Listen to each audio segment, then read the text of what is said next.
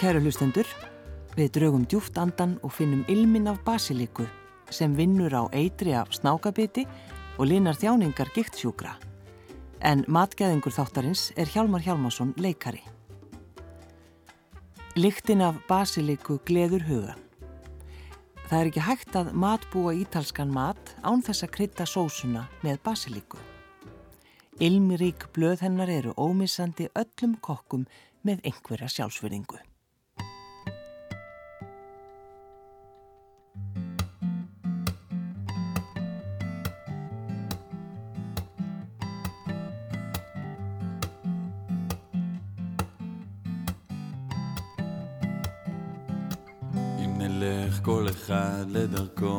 מצידי זה בסדר. נארגן את הכל מחדש, נסדר את החדר. נמיין מה שלי, מה שלך, מה באמצע. ותצאי בלעדיי לטיול במזרח או ונציה אני לא אעשה עניין, אין לי, אין לי זמן. מה נשאר? סך הכל סיפור אהבה ישן.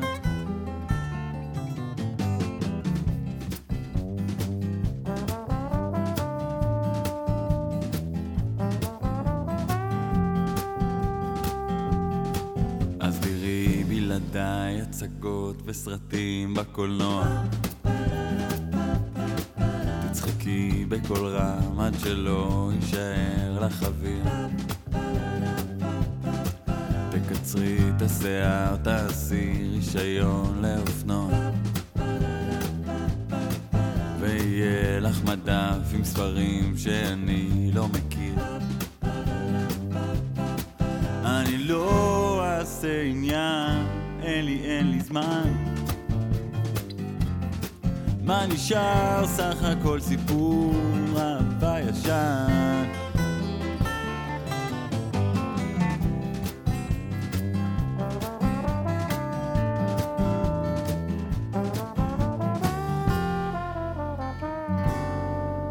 עצוב לי לחשוב על הזמן שהיינו ביחד. איך הייתי מכור לספק וחבר של הפחד.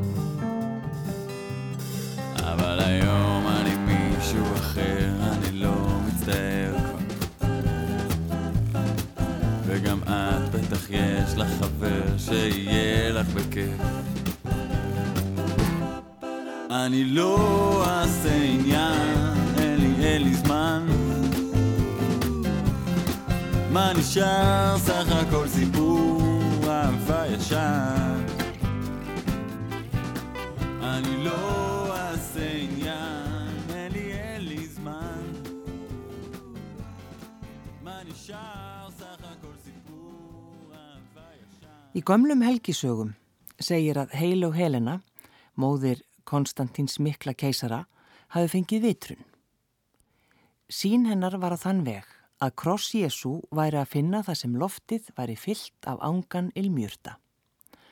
Á hún síðan að hafa fundið krossin undir basiljurtum. Basil var konungleg kryddjurt meðal fortgrykja, en nafnið Basil er komið úr grísku af orðinu basilikón sem merkir konunglegur. Víða var það síður að láta sjálfan konungin slá fyrstu uppskeruna og þá með gullsigð. Basil hefur lengi haft táknræna merkingu í helgisiðum. Fornegiftar blönduðu saman basil, mirru og reykelsi þegar þeir færðu guðunum fornir, en einnig notuðu þeir basil við smurningu á múmium. Basil var stráð á grafir í Persíu og Malasíu og það var notað við vútu helgiatafnir á Haiti. Meðal Gríkja og Rómverja var Basil tákn kærleika og dauða. Gríkir tengdu þó jurtina meira dauðanum og var Basil álitinn sorgarplanta. Basil hefur verið tákn ástarinnar, meðal annars á Ítalíu. Á Krít var Basil tákn fyrir ásti í meinum og notaði Giovanni Boccaccio þar sem þema í sögu sinnu um Ísabellu og Basilpottin En Ísabella faldi höfuð ástmann síns í blómupotti undir basilplöndu. Basiljurtir tilheyra varablómaætt og telja fjöldan allan af tegundum og afbreyðum. Basil er ræktaðum nánast allan heim en engum eru það íbúar landana við miðjarahaf og tælendingar sem nota jurtina til matargerðar. Á setni árum hefur orðið mikil bylting í matargerð í mið- og Norður-Evrópu vegna áhrifa frá þessum löndum og því hefur basilnótkun stöðugt færst í aukana þar. Á Ítali og Fraklandi er basil hvað vinsalast. Á Ítali er basilnótkun gríðarleg til dæmis ímsa tómata og pastarétti, svo ekki sér talað um hérna frægu pesto oljusósu.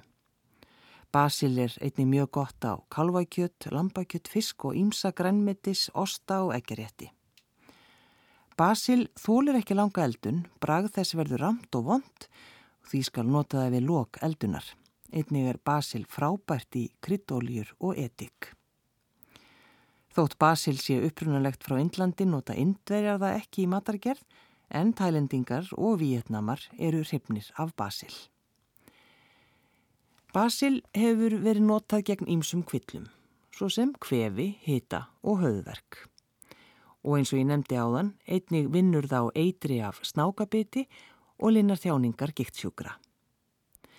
Te, lagað úr basiljurtum, er algengur drikkur viðaðum heim, Á 19. öld og fram á þá 20. var basil gerðan þurkað, mulið og tekið í nefið.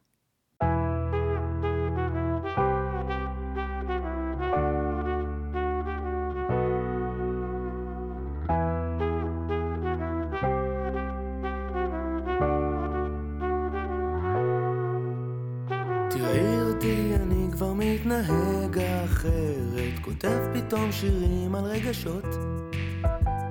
נפגשנו החיים הפכו להיות כמו סרט מלא בכינורות תראי אני מחייך כמו אידיוט בבוקר חושב מתי הפעם תתקשרי נראה לי שאת מרגישה כמעט כמוני אז למה לא תודי? לא מסתתר בתוך לבך אני עוד צריכה לדעת אם זו אהבה. מאז שאני מכיר אותך עוד לא נחתתי הולך ברחוב נתקע לי בעצים. והעולם נראה כמו סרטים בטורקיה ואני לא מגזים. תדעי לך שבדרך כלל אני לא רומנטי, האהבה אצלי כמעט קרלה. רוצה איתך רומן גשמי לא אפלטוני, עם אופציה לשנה.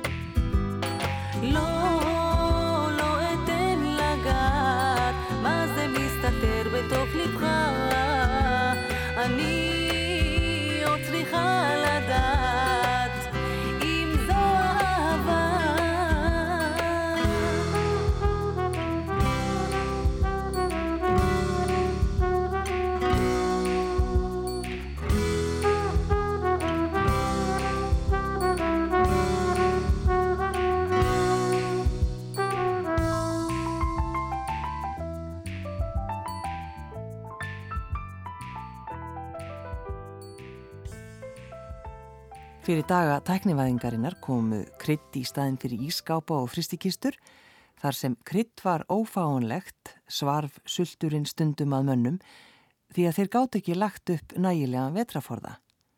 Enda var kryddverð á síðmiðeldum óheirilegt. Pund af engifer kostaði sögðarverð, múskatpundið var virt á þrjár kindur eða halva kú. Pipar var öllu öðru kryddi verðmætara og piparsekkurinn sagður mannslíf í gildi.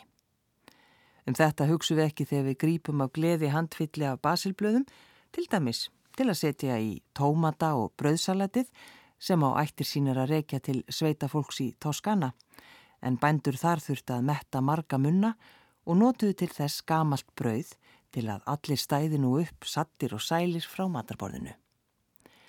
Uppskriftin er einföld, notaðu tveggjadaga gammalt sveitabröð, Taktu til fjóra búsna tómata, einn stóran rauðlaug og handfylli af basilblöðum. Í dressinguna þarf ólífólju, kvítvinsretik, salt og rándýran pipar að sjálfsögðu. Fyrst þarf að skera brauðið í teninga, setja í skál og hella köldu vatn yfir og láta það býða þannig í hálftíma og svo átt að kreista eins mikið vatn úr brauðinu og þið getið og blanda saman við niðurskortna tómata og lauk. Og svo lókum að blanda saman dressinguna og hella yfir salatið og skreita með basilaufum. Og það er gott að láta þetta býða í kæli í tvo tíma og þetta er sérlega skemmtilegt salat og ilmurinn er indæll.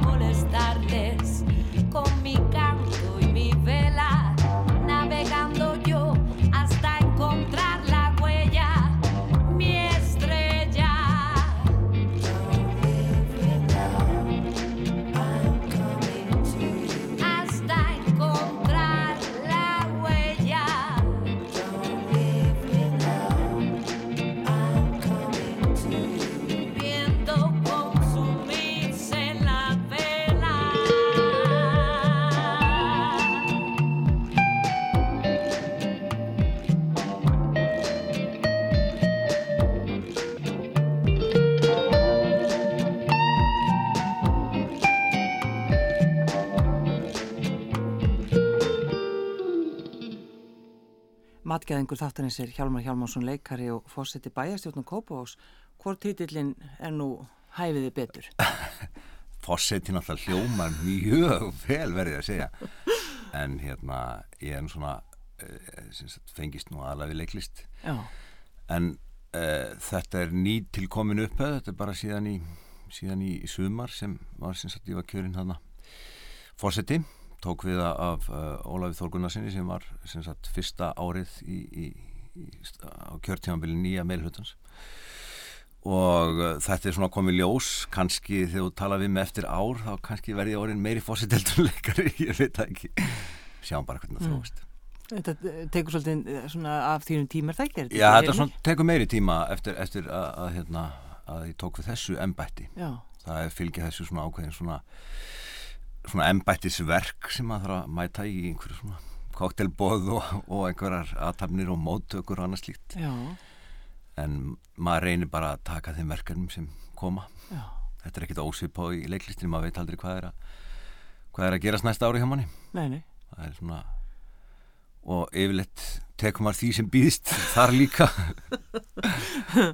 Já, en Hjálmar, ég plataði hinga til þess að uh, tala við um mat. já, Ertu, ertu matgeðingur? sko ég verð nú að segja að þetta er gríðarlega upphæð þetta er einhvers bara mesta upphæð sem ég hef fengið sko að vera bóðar í svona þátt í, í ríkisúttarpinu á rúf eins og menn vilja kalla það Jú, jú.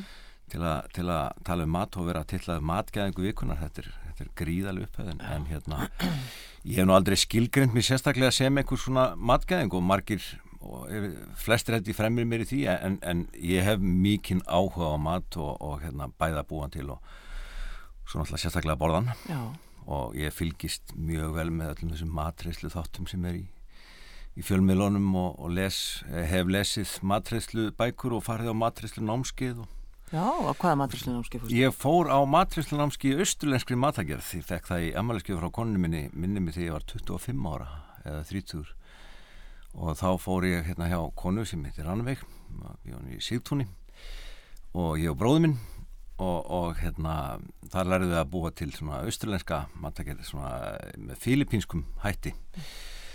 Og ameríska eftirrétti með mikið gúmulaði þar lærði ég að nota sagt, maple syrup sem er upp í staðin í minni matagerð En ertu að elda þennan mat sem hún lærðir til dæmis þannig? Eh, ég hef nú ekki gert mikið en ég, eh, ég nota mikið af aðferðunum. Og, og hérna fyrst svona eftir þá, þá notaði maður uppskriftinnar og, og eldaði matinn og kefti sér einhverja svona græjur smá og, og það nú ekki mikið í það en, en, en það eru svona ákveðin svona grunnprinsip í, í svona mismunandi matagerðum þú veist þetta er ólíkt, mjög ólíkt eftir hvernig menn nálgast hráefnið og svona framvegis. En, en uh, þetta endar yfirleitt í einhverju svona einhverjum bræðingi sko, þetta er svona fusion sko. Já, það fjúsun eldur sig hjá þér. Já, já, maður er að slengja alls konar hlutum saman. Svo svona í setni tíð þá hefur maður uh, hérna uh, farið meira út í sko rauninni gamla bara íslenska eldhúsið eins og það var þegar maður var að alast upp svona að, að, þegar, þegar maður er með börn þá kemst maður að því að, að þau vilja, þau hafa svona frekar einfaldan smekk og vilja hafa svona einfalt og það er oft best bara eins og hérna einhver ágættum maður sagði þetta er bara oft svoðin matur, sko, svoðin fiskur og karteblur, svoðin saltfiskur svona, létt svoðin salt, saltfiskur það, þetta er náttúrulega orðin hermars matur en, en, en þetta er kannski meira í setni tíð eftir að maður svona þroskast þegar maður nota það orð. En eh, svona, þinn, svona í þinni æsku, var, varstu þá að borða einmitt svona mat eða hvernig Sko, mat borðaður? þetta er náttúrulega kemur vel á vondana því að, að ég er alveg umtalaður gikkur í, í, sko, í minni fjölskyldu. Alveg bara ég var ótrúlega matvandur Já, þegar ég var lítill og það voru bara vandraði með mig og margar sögur af því þegar sérstaklega þegar ég var að vera að ferðast með mig milli landsluta sem lítinn lítin dreng þá, þá bara neitaði ég að borða og, og hérna ég held ég sko að sé af þeirri kynnslóð sem seriós er að fyrst að koma sko til sögunar og hérna mamma þurfti stundum að elda fyrir mig það sem að kalla heima eh, á Dalvík kringlumjólk eða kringlumjólk eins og við kallum það það voru svona bara svona kringlur, mjúkar kringlur já, sem voru soðnar í svona mjölk með sikri, Sykri, já. og, og hérna e, já, ég var ótrúlega ykkur ég borðaði ekki þetta sem, sem e, eins og uppáhalds maturnas pappa var síin fiskur með karteflum og, og smjöri eða, eða hamsatólk og, og þetta fannst mér bara viðbjóðslegt. Og síðan þegar ég svona var úlingur þá var hann bara þannig að heimilisaðstöður voru þannig að, að og það leiti til þess að ég þurfti að fara svona taka mér ábyrð á, á svona eldamennskunni oft. Hérna mamma var mikið veik og, og, og hérna e, þá bara lærði, hún kendi mér alveg fullt að elda, bara eins og að gert í svolítið í gamla daga eins og maður sér þó að sé náttúrulega ekki ekki langt síðan, kannski bara eins og, eins og var gert fyrir 40-50 árum veist, svona þessar klassísku, ætla að sé ekki kalla danska bara, dansk-íslenska eldhúsið. Og, og uh, þegar að ég er bara svona í metaskóla þá kann ég fullt til svona eldunar heimilistarfa. Mm. og, og hérna hef nýtt mér mikið af þeirri, þeirri þekkingu sem ég bara lærið hjá, hjá mömmu og, og sískinu mínum. Manstu eftir þe- þeirri tilfinningu einmitt að, að fara að taka ábyrð í eldhúsinu og þurfa að standa þið þar? Já, já, ég man vel eftir því það, ég man ekki hvort ég var 15 eða 16 ára þegar ég semst, e, sá um jólamattin sko og, og hérna með, með svona fjar, fjar leiðsögn móðu minnar sko hérna og, og þurfti að semst, reyna að fá brúna puru á hrygginn og, og að brúna karteblur og, þetta er mikill lærdómur sko. Ég man mjög vel eftir þeirri tilfinningu sko og, og þetta að, að, að búa til sko mat það er, það veitir manni mikla eh, ánægju. Þetta er svona ekkert ósvipað því sem svona þetta, þetta er náttúrulega kalla list eh, svona í tvennu skilningi og, og það er einhver svona þetta að gera eitthvað fyrir annan og, og gleðjast yfir því þegar manni tekst vel upp þegar maður sér hérna, ánægju svipin á fólki það er, það er mikil svona ánægju því og, og svona hérna, velíðan sem fylgir því. Ertu ekki ykkur þá enn, það, enn þann dag í dag eða? Nei, ég myndi ekki segja það. Það er, er sagt, uh, það er aðalega tvent sem ég set fyrir mig, það er sem sagt aspas svona svoðin aspas svona veist, gulur hvítur svona hérna í dósum. Já, svona þessi já. ég get ekki borðað það. Og, og síðan he, hef ég verið hérna sem sagt af bara pólitískum ástæðum á móti innfluttum fiski þannig að ég borðað mjög lítið af túnfiski sérstaklega túnfiski í dósum. Að mér veist eh, alveg út í hött að, að, að Íslendinga sé að flytinn fisk sem er náttúrulega mesta fiski þjóði heimi. Jú, jú. En það er líka bara því mér finnst hann ekki góður þessi, þessi í dósunum. Það er svona flottar að segja þetta að sé út á pólitísku. já, það er svona pólitísk ákvörðin að borða ekki túnfisk. prinsip ástæður og hérna þjóð, þjóðverðnislegum forsendum. En hérna en síðan sagt, er majónes það er svona frekar neðarlega á, á, hérna, á listan en ég man eftir sko ég borðaði ekki til mis ost í mörg ár og, og hérna það var út af því að, að uh, mér þótti ostur alveg gríðalega góður. Og hérna einhvern tíma þegar ég átti ekki bara á tíu ára amali eða eitthvað slíkt þá hérna spurði sýsti mín hvað mér langaði í, í, í hemalski og ég sagði ost. Og hún sem sagt fór eitthvað fram í sveit eða hjá einhverjum bónda í manni hvar hún fekk svona bara heilan ost. Svona, svona stóran hérna bara hlung svona eitthvað bara og þetta var bara ammæliskjón og bara og að því ég hafi fengið í ammæliskjón þá mátti engin helst annar borða þetta nema ég.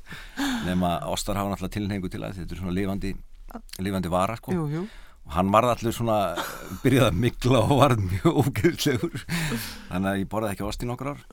Og síðan einhvern tíman það var líka á einhverjum öðrum amælistegi þá sem sagt, hérna, fórum við í einhvern bíltúr og inn á Akureyri og, og fórum á, á kaffetýrin á Akureyri og, og borðum. Og ég sem sagt, vildi bara fá franskar og fekk einhvern risastóran skamt af franskum og fransku karteflundur í gamla dagi því að þú mannst eftir því það voru öðru sinni í dag sko. það, það voru held ég ekki beint karteflur það var einhvers konar mjöl eða deig sem var sett í einhverjar vélar og, og svo var þetta djústætt rækilega og, og ég borðaði yfir með þessu og ég borðaði ekki franska karteflur nokkur ára en ég nú byrjar á Já.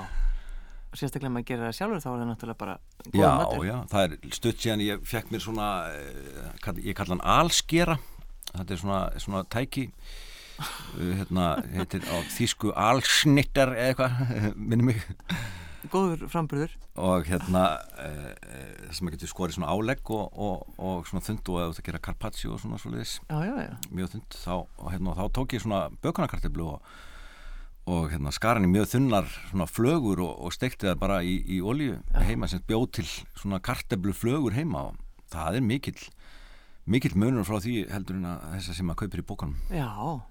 Og hvað er þetta að fá svona uh, alskera? þetta er bara í elko sko þetta er Já. bara kostar tíu skall þetta er bara hérna, þetta er, sem ég kalla þetta áleggsnýf Mér finnst þetta fram betra, alskeri. hann sker allt, ég sker allt með hann Já, já, já.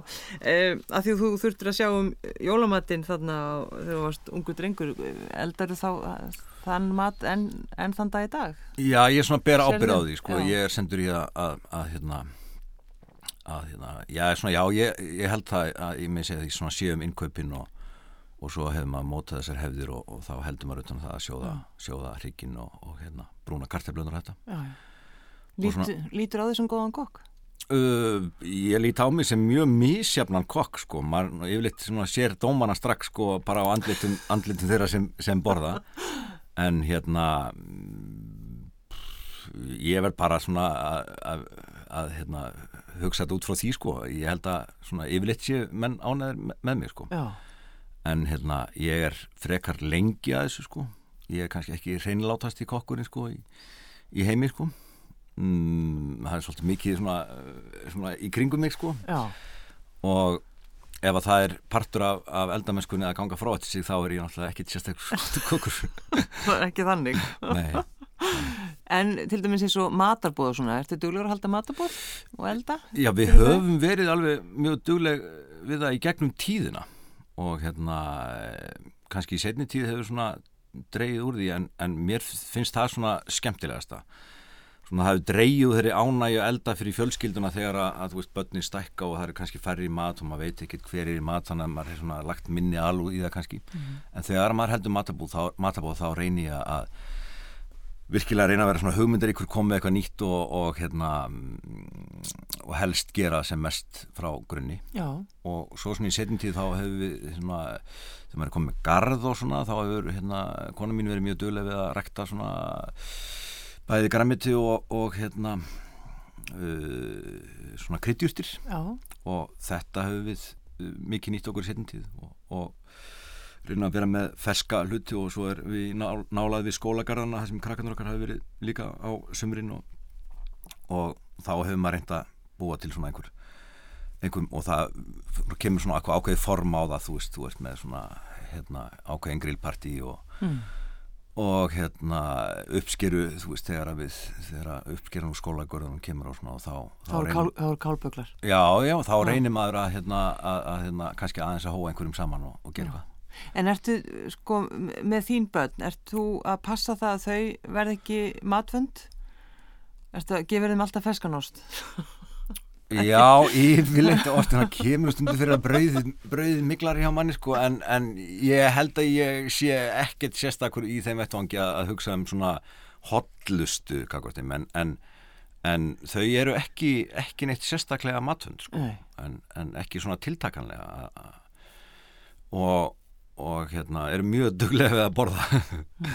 Flesta þeim en, en hérna ég er ekki með neina svona meðvitað stefni ég myndi ekki flokkast undir svona hel, helsu helsu línu sko. Nei, nei. það er, þetta er frekar þetta er frekar svona kvíkveiti og, og, og, hérna, og sikur sko Já, en ég minna það er eitthvað við að öruglega pappa sem býr til sína eigin flögur, þannig að ég myndi segja að þú getur nú, kemst nú langt á því. já, ég segi ekki að ég gerir það um hverja helgi en, en, Þú gerst það einu sinni.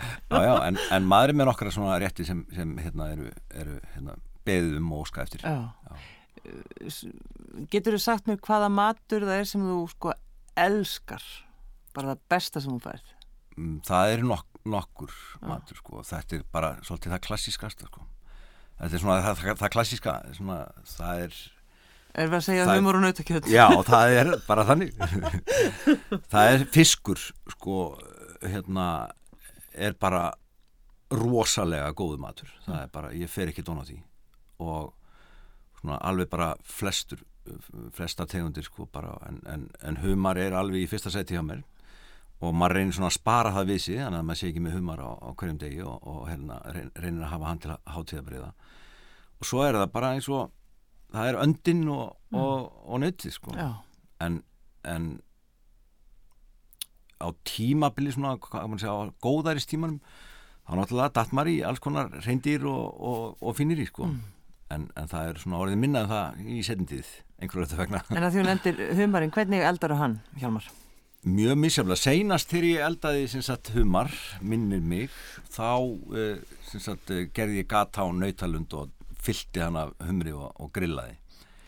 Hvernig, hvernig kom það át? Það er bara algjör snild. Er bara, ég bara toppaði sjálf mig það sko. Ég hef gert það tvisa þrísar. Já. Það er sem sagt bara uh, legg humarinn í, í, hérna, í svona kryddlög og, og eh, svolítið mismöndi bara eftir hvað maður í hvaða stuðum maður stundum er uh, einhver uppskrift sem ég fekk það sem ég notuð um svona óvinnileg krydd, svona muskat og, og hérna negul og svoleiðis svona í, í, í litlu mæli. Svona svolítið, indust uh, en uh, það er bara aðalega að það er, er kvítlaukurinn og, og steinseljan og basil uh, kannski og, og, og hérna sítróna. Mhm. og aðeins bara láta henn taka sig. Og síðan er tryggsið það að hafa ekki gatið alveg í miðjunni heldur svona svolítið út til jáðarsins Já, þannig að þú sko of eldir ekki nautakjötið. Þannig að það nái að verða svona aðeins raukt sko eða bleikt í, í miðjunni og, og síðan kemur svona humarinn utan á þannig að þú skerði þetta niður og ef þú leifir þess aðeins að standa sko þannig að það takki sig þá færður svona fallegar svona medalíur með, með humri inn í, inn í þú svona og hvernig, hvernig bræðast þetta saman?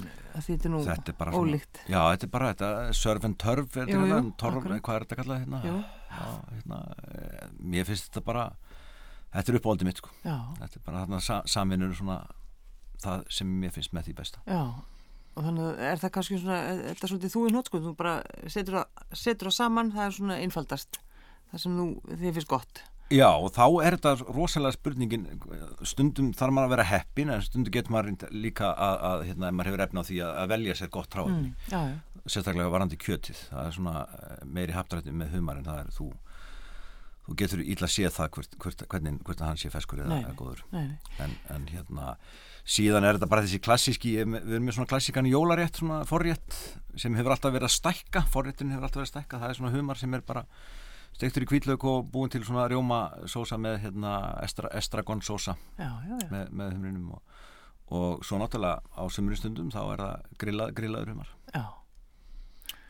Þannig að þetta er svona, einmitt, þetta er náttúrulega sem fólk nefnir þegar maður er að tala um uppáhaldsmat. Það er nú yfirleitt humarinn. já, já, en síðan er sko þú veist oft uh, þegar að þegar maður hefur ekki mikið milli handana eða þegar maður er að hugsa um, um kostnaðin Já, þá oft dettum maður ón á alveg frábær uh, frábær ráefni eins og, eins og hérna fólaldakjöti sko og það, það er alveg frábært ráefni líka sko.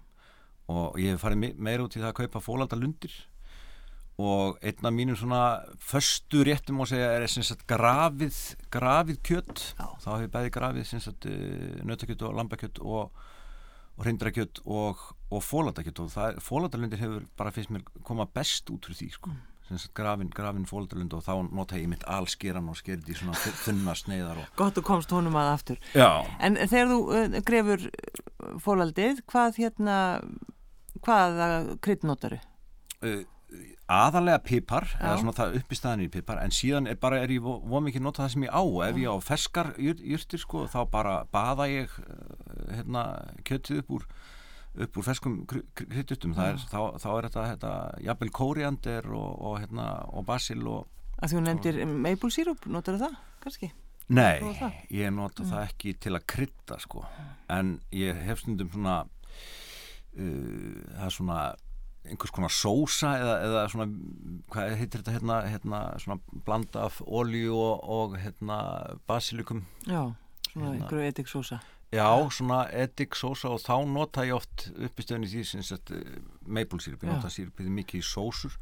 Og svo nota ég sírupið sem sagt til að búa til svona gljáa á, á kjöt eins og, eins og lambakjöt og, og hérna hrygg og svona og, og hambúrgarhryggin þá Þannig að ég, sírópi kemur alltaf öðru Það frá því að þú fóst á þetta námskeið Já. 25 ára eða 30 já, það kemur alveg stertinn sko, en það sé ég það, það er mikið notað í sósu eins og þessar sósu sem eru selkjara sósunar þá, þá er mælt með að menn noti þetta og Já, og þá varst þú hér fyrir löngu búin að ég var löngu búin að finna sko bræðið að maple Já. Hvað með Hjálmar Hjálmarsson ferðu mikið út að borða? Er þetta eitthvað, það eitthvað svona sem að þið veist gaman að gera? Nei, það kemur svona í törnum aðalega þegar maður er ellendis en, en nei, ég fer ekki mikið út að borða en, en maður hefur farið á þess að svona helstu staði Mm. og hérna uh, ég held ég sé ekki góður álitiskjafi í því að, að sagt, draga einhver sérstök veitingahús fram Nei, nei. En, en þegar ég fyrir út að borða það þá vil ég svolítið fá mig fisk einhver löta vegna Mm. og, og það er margir, margir góðir fiskistæðir Já, já. hérna Það er, er auðvelt að finna eitt slíkan. En eins og þú nefnir að fara til útlanda þá einmitt er nú stór partur af því þegar maður fer út, það er að fara á veitingastæði. Já, Ertu ófeimin að fara á einhverja staði sem eru, sem eru kannski ekki venjulegir?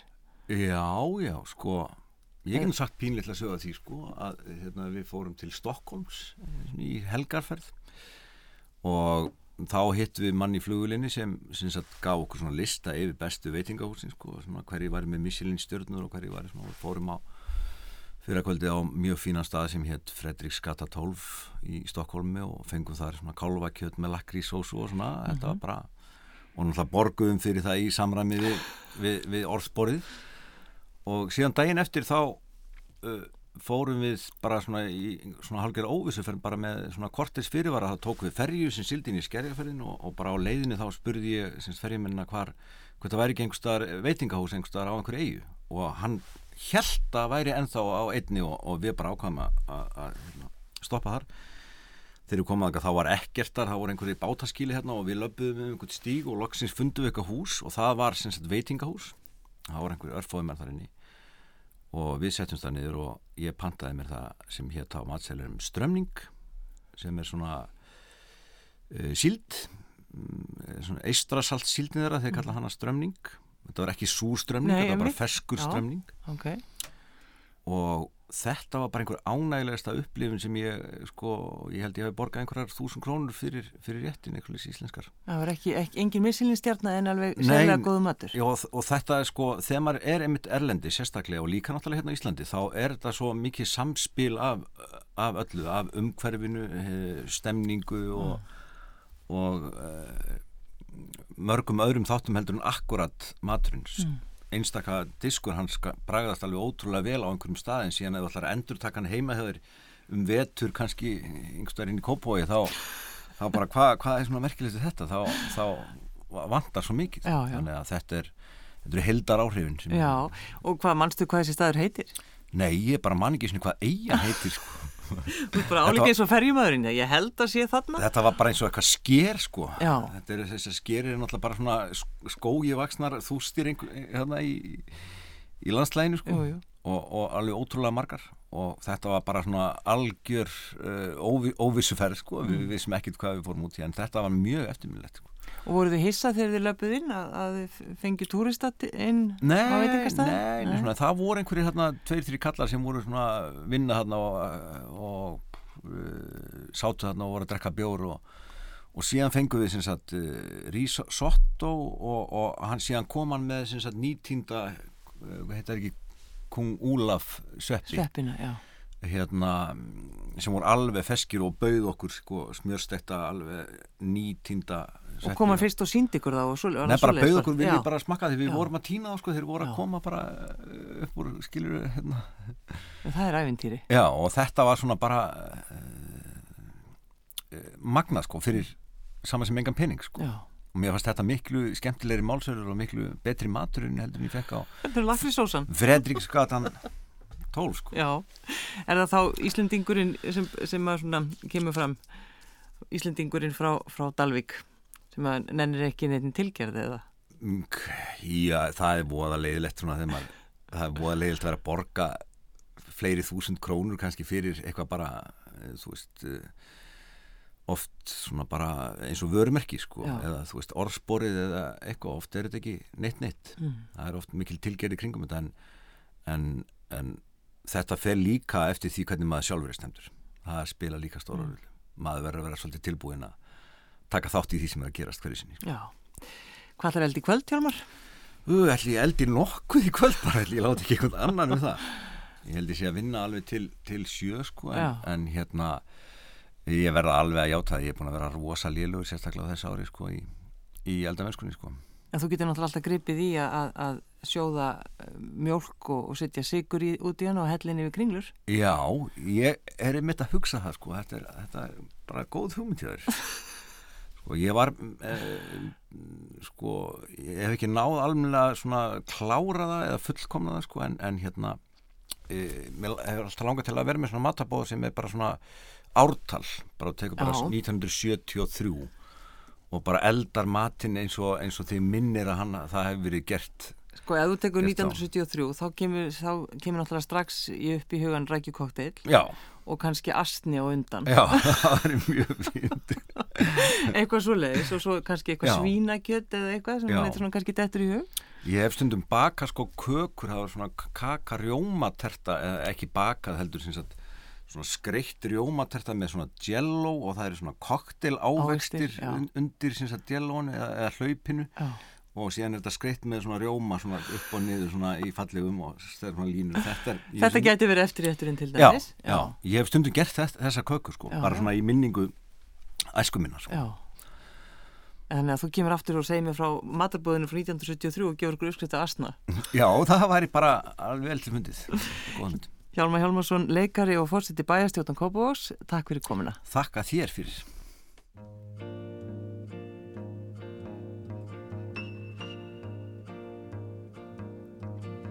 É pau, é pedra, é o fim do caminho.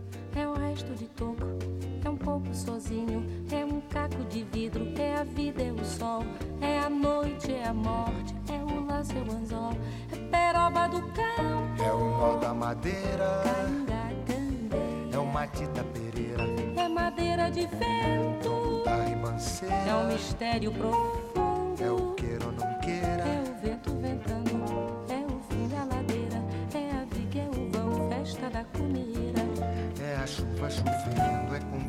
conversa ribeira das águas de março, é o fim da canseira, É o pé, é o chão, é a mastradeira, passarinho na mão. pedra de atiradeira, É uma ave no céu, é uma ave no chão, é um regato, é uma fonte. é um pedaço de pão, É o fundo do poço, é o fim do caminho.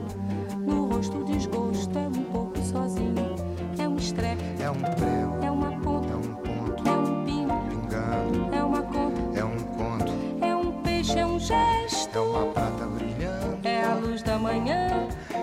é chegando, é a lenha, é o dia, é o fim da picada, é a garrafa de cana, o estilhaço na estrada. é o projeto da casa, é o corpo na cama, é o carro enguiçado, é a lama, é a lama, É um passo, é uma ponte, é um sapo, é uma rã é um resto de mato na luz.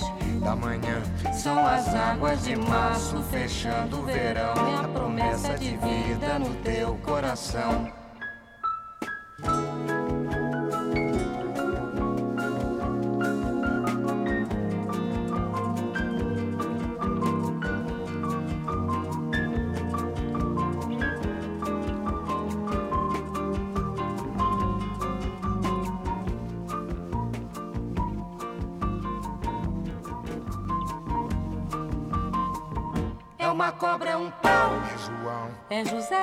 Um espinho, na mão, é um corte, no pé. São as águas de março fechando o verão, é a promessa de vida no teu coração. é pau, É pedra é o fim, do caminho. é um resto, de topo, é um pouco, sozinho. É um passo, é uma ponte, é um sapo, é uma rã, é um belo horizonte. é uma febre terçã, São as águas de março fechando o verão. É a promessa de vida no teu coração. Pau, edra, in, inho, peixe, coco, oco, inho, agro, hidro, ida, ol, oite, horte, aço. sol, São as águas de março fechando o verão. É a promessa de vida no teu coração. Badaba, bazibaziza, zazaziza, azanamienya, andandede, bandandede,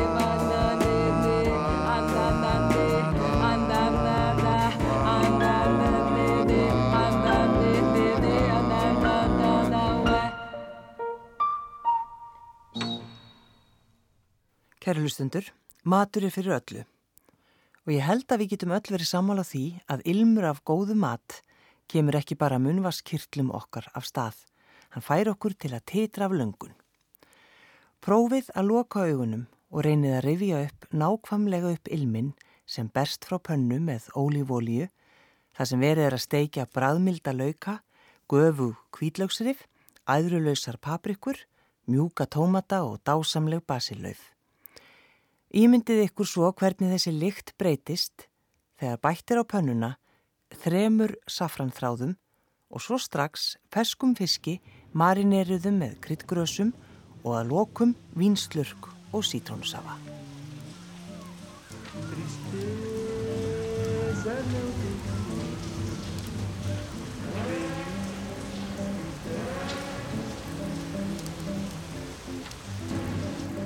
Kæri lustendur, við endum á þessum nótum. Gangi ykkur vel að elda og verð ykkur á góðu. ¿Cómo decir que me parte mil la esquinita de mi hueso? Que han caído los esquemas de mi vida, ahora que todo era perfecto. Y algo más que eso, me sorbiste el seso y me desciende el peso de este cuerpecito mío que se ha convertido en río, de este cuerpecito mío que se ha convertido en río. Me cuesta abrir los ojos y lo hago poco a poco, no sea que aún te encuentres cerca. Me guardo tu recuerdo como el mejor secreto, qué dulce fue tenerte dentro. Hay un trozo de luz en esta oscuridad para prestarme calma. El tiempo todo calma, la tempestad y la calma. El tiempo todo calma, la tempestad y la calma. Siempre me quedará la voz suave del mar, volver a respirar lluvia que caerá sobre este cuerpo y mojará la flor que crece en mí y volverá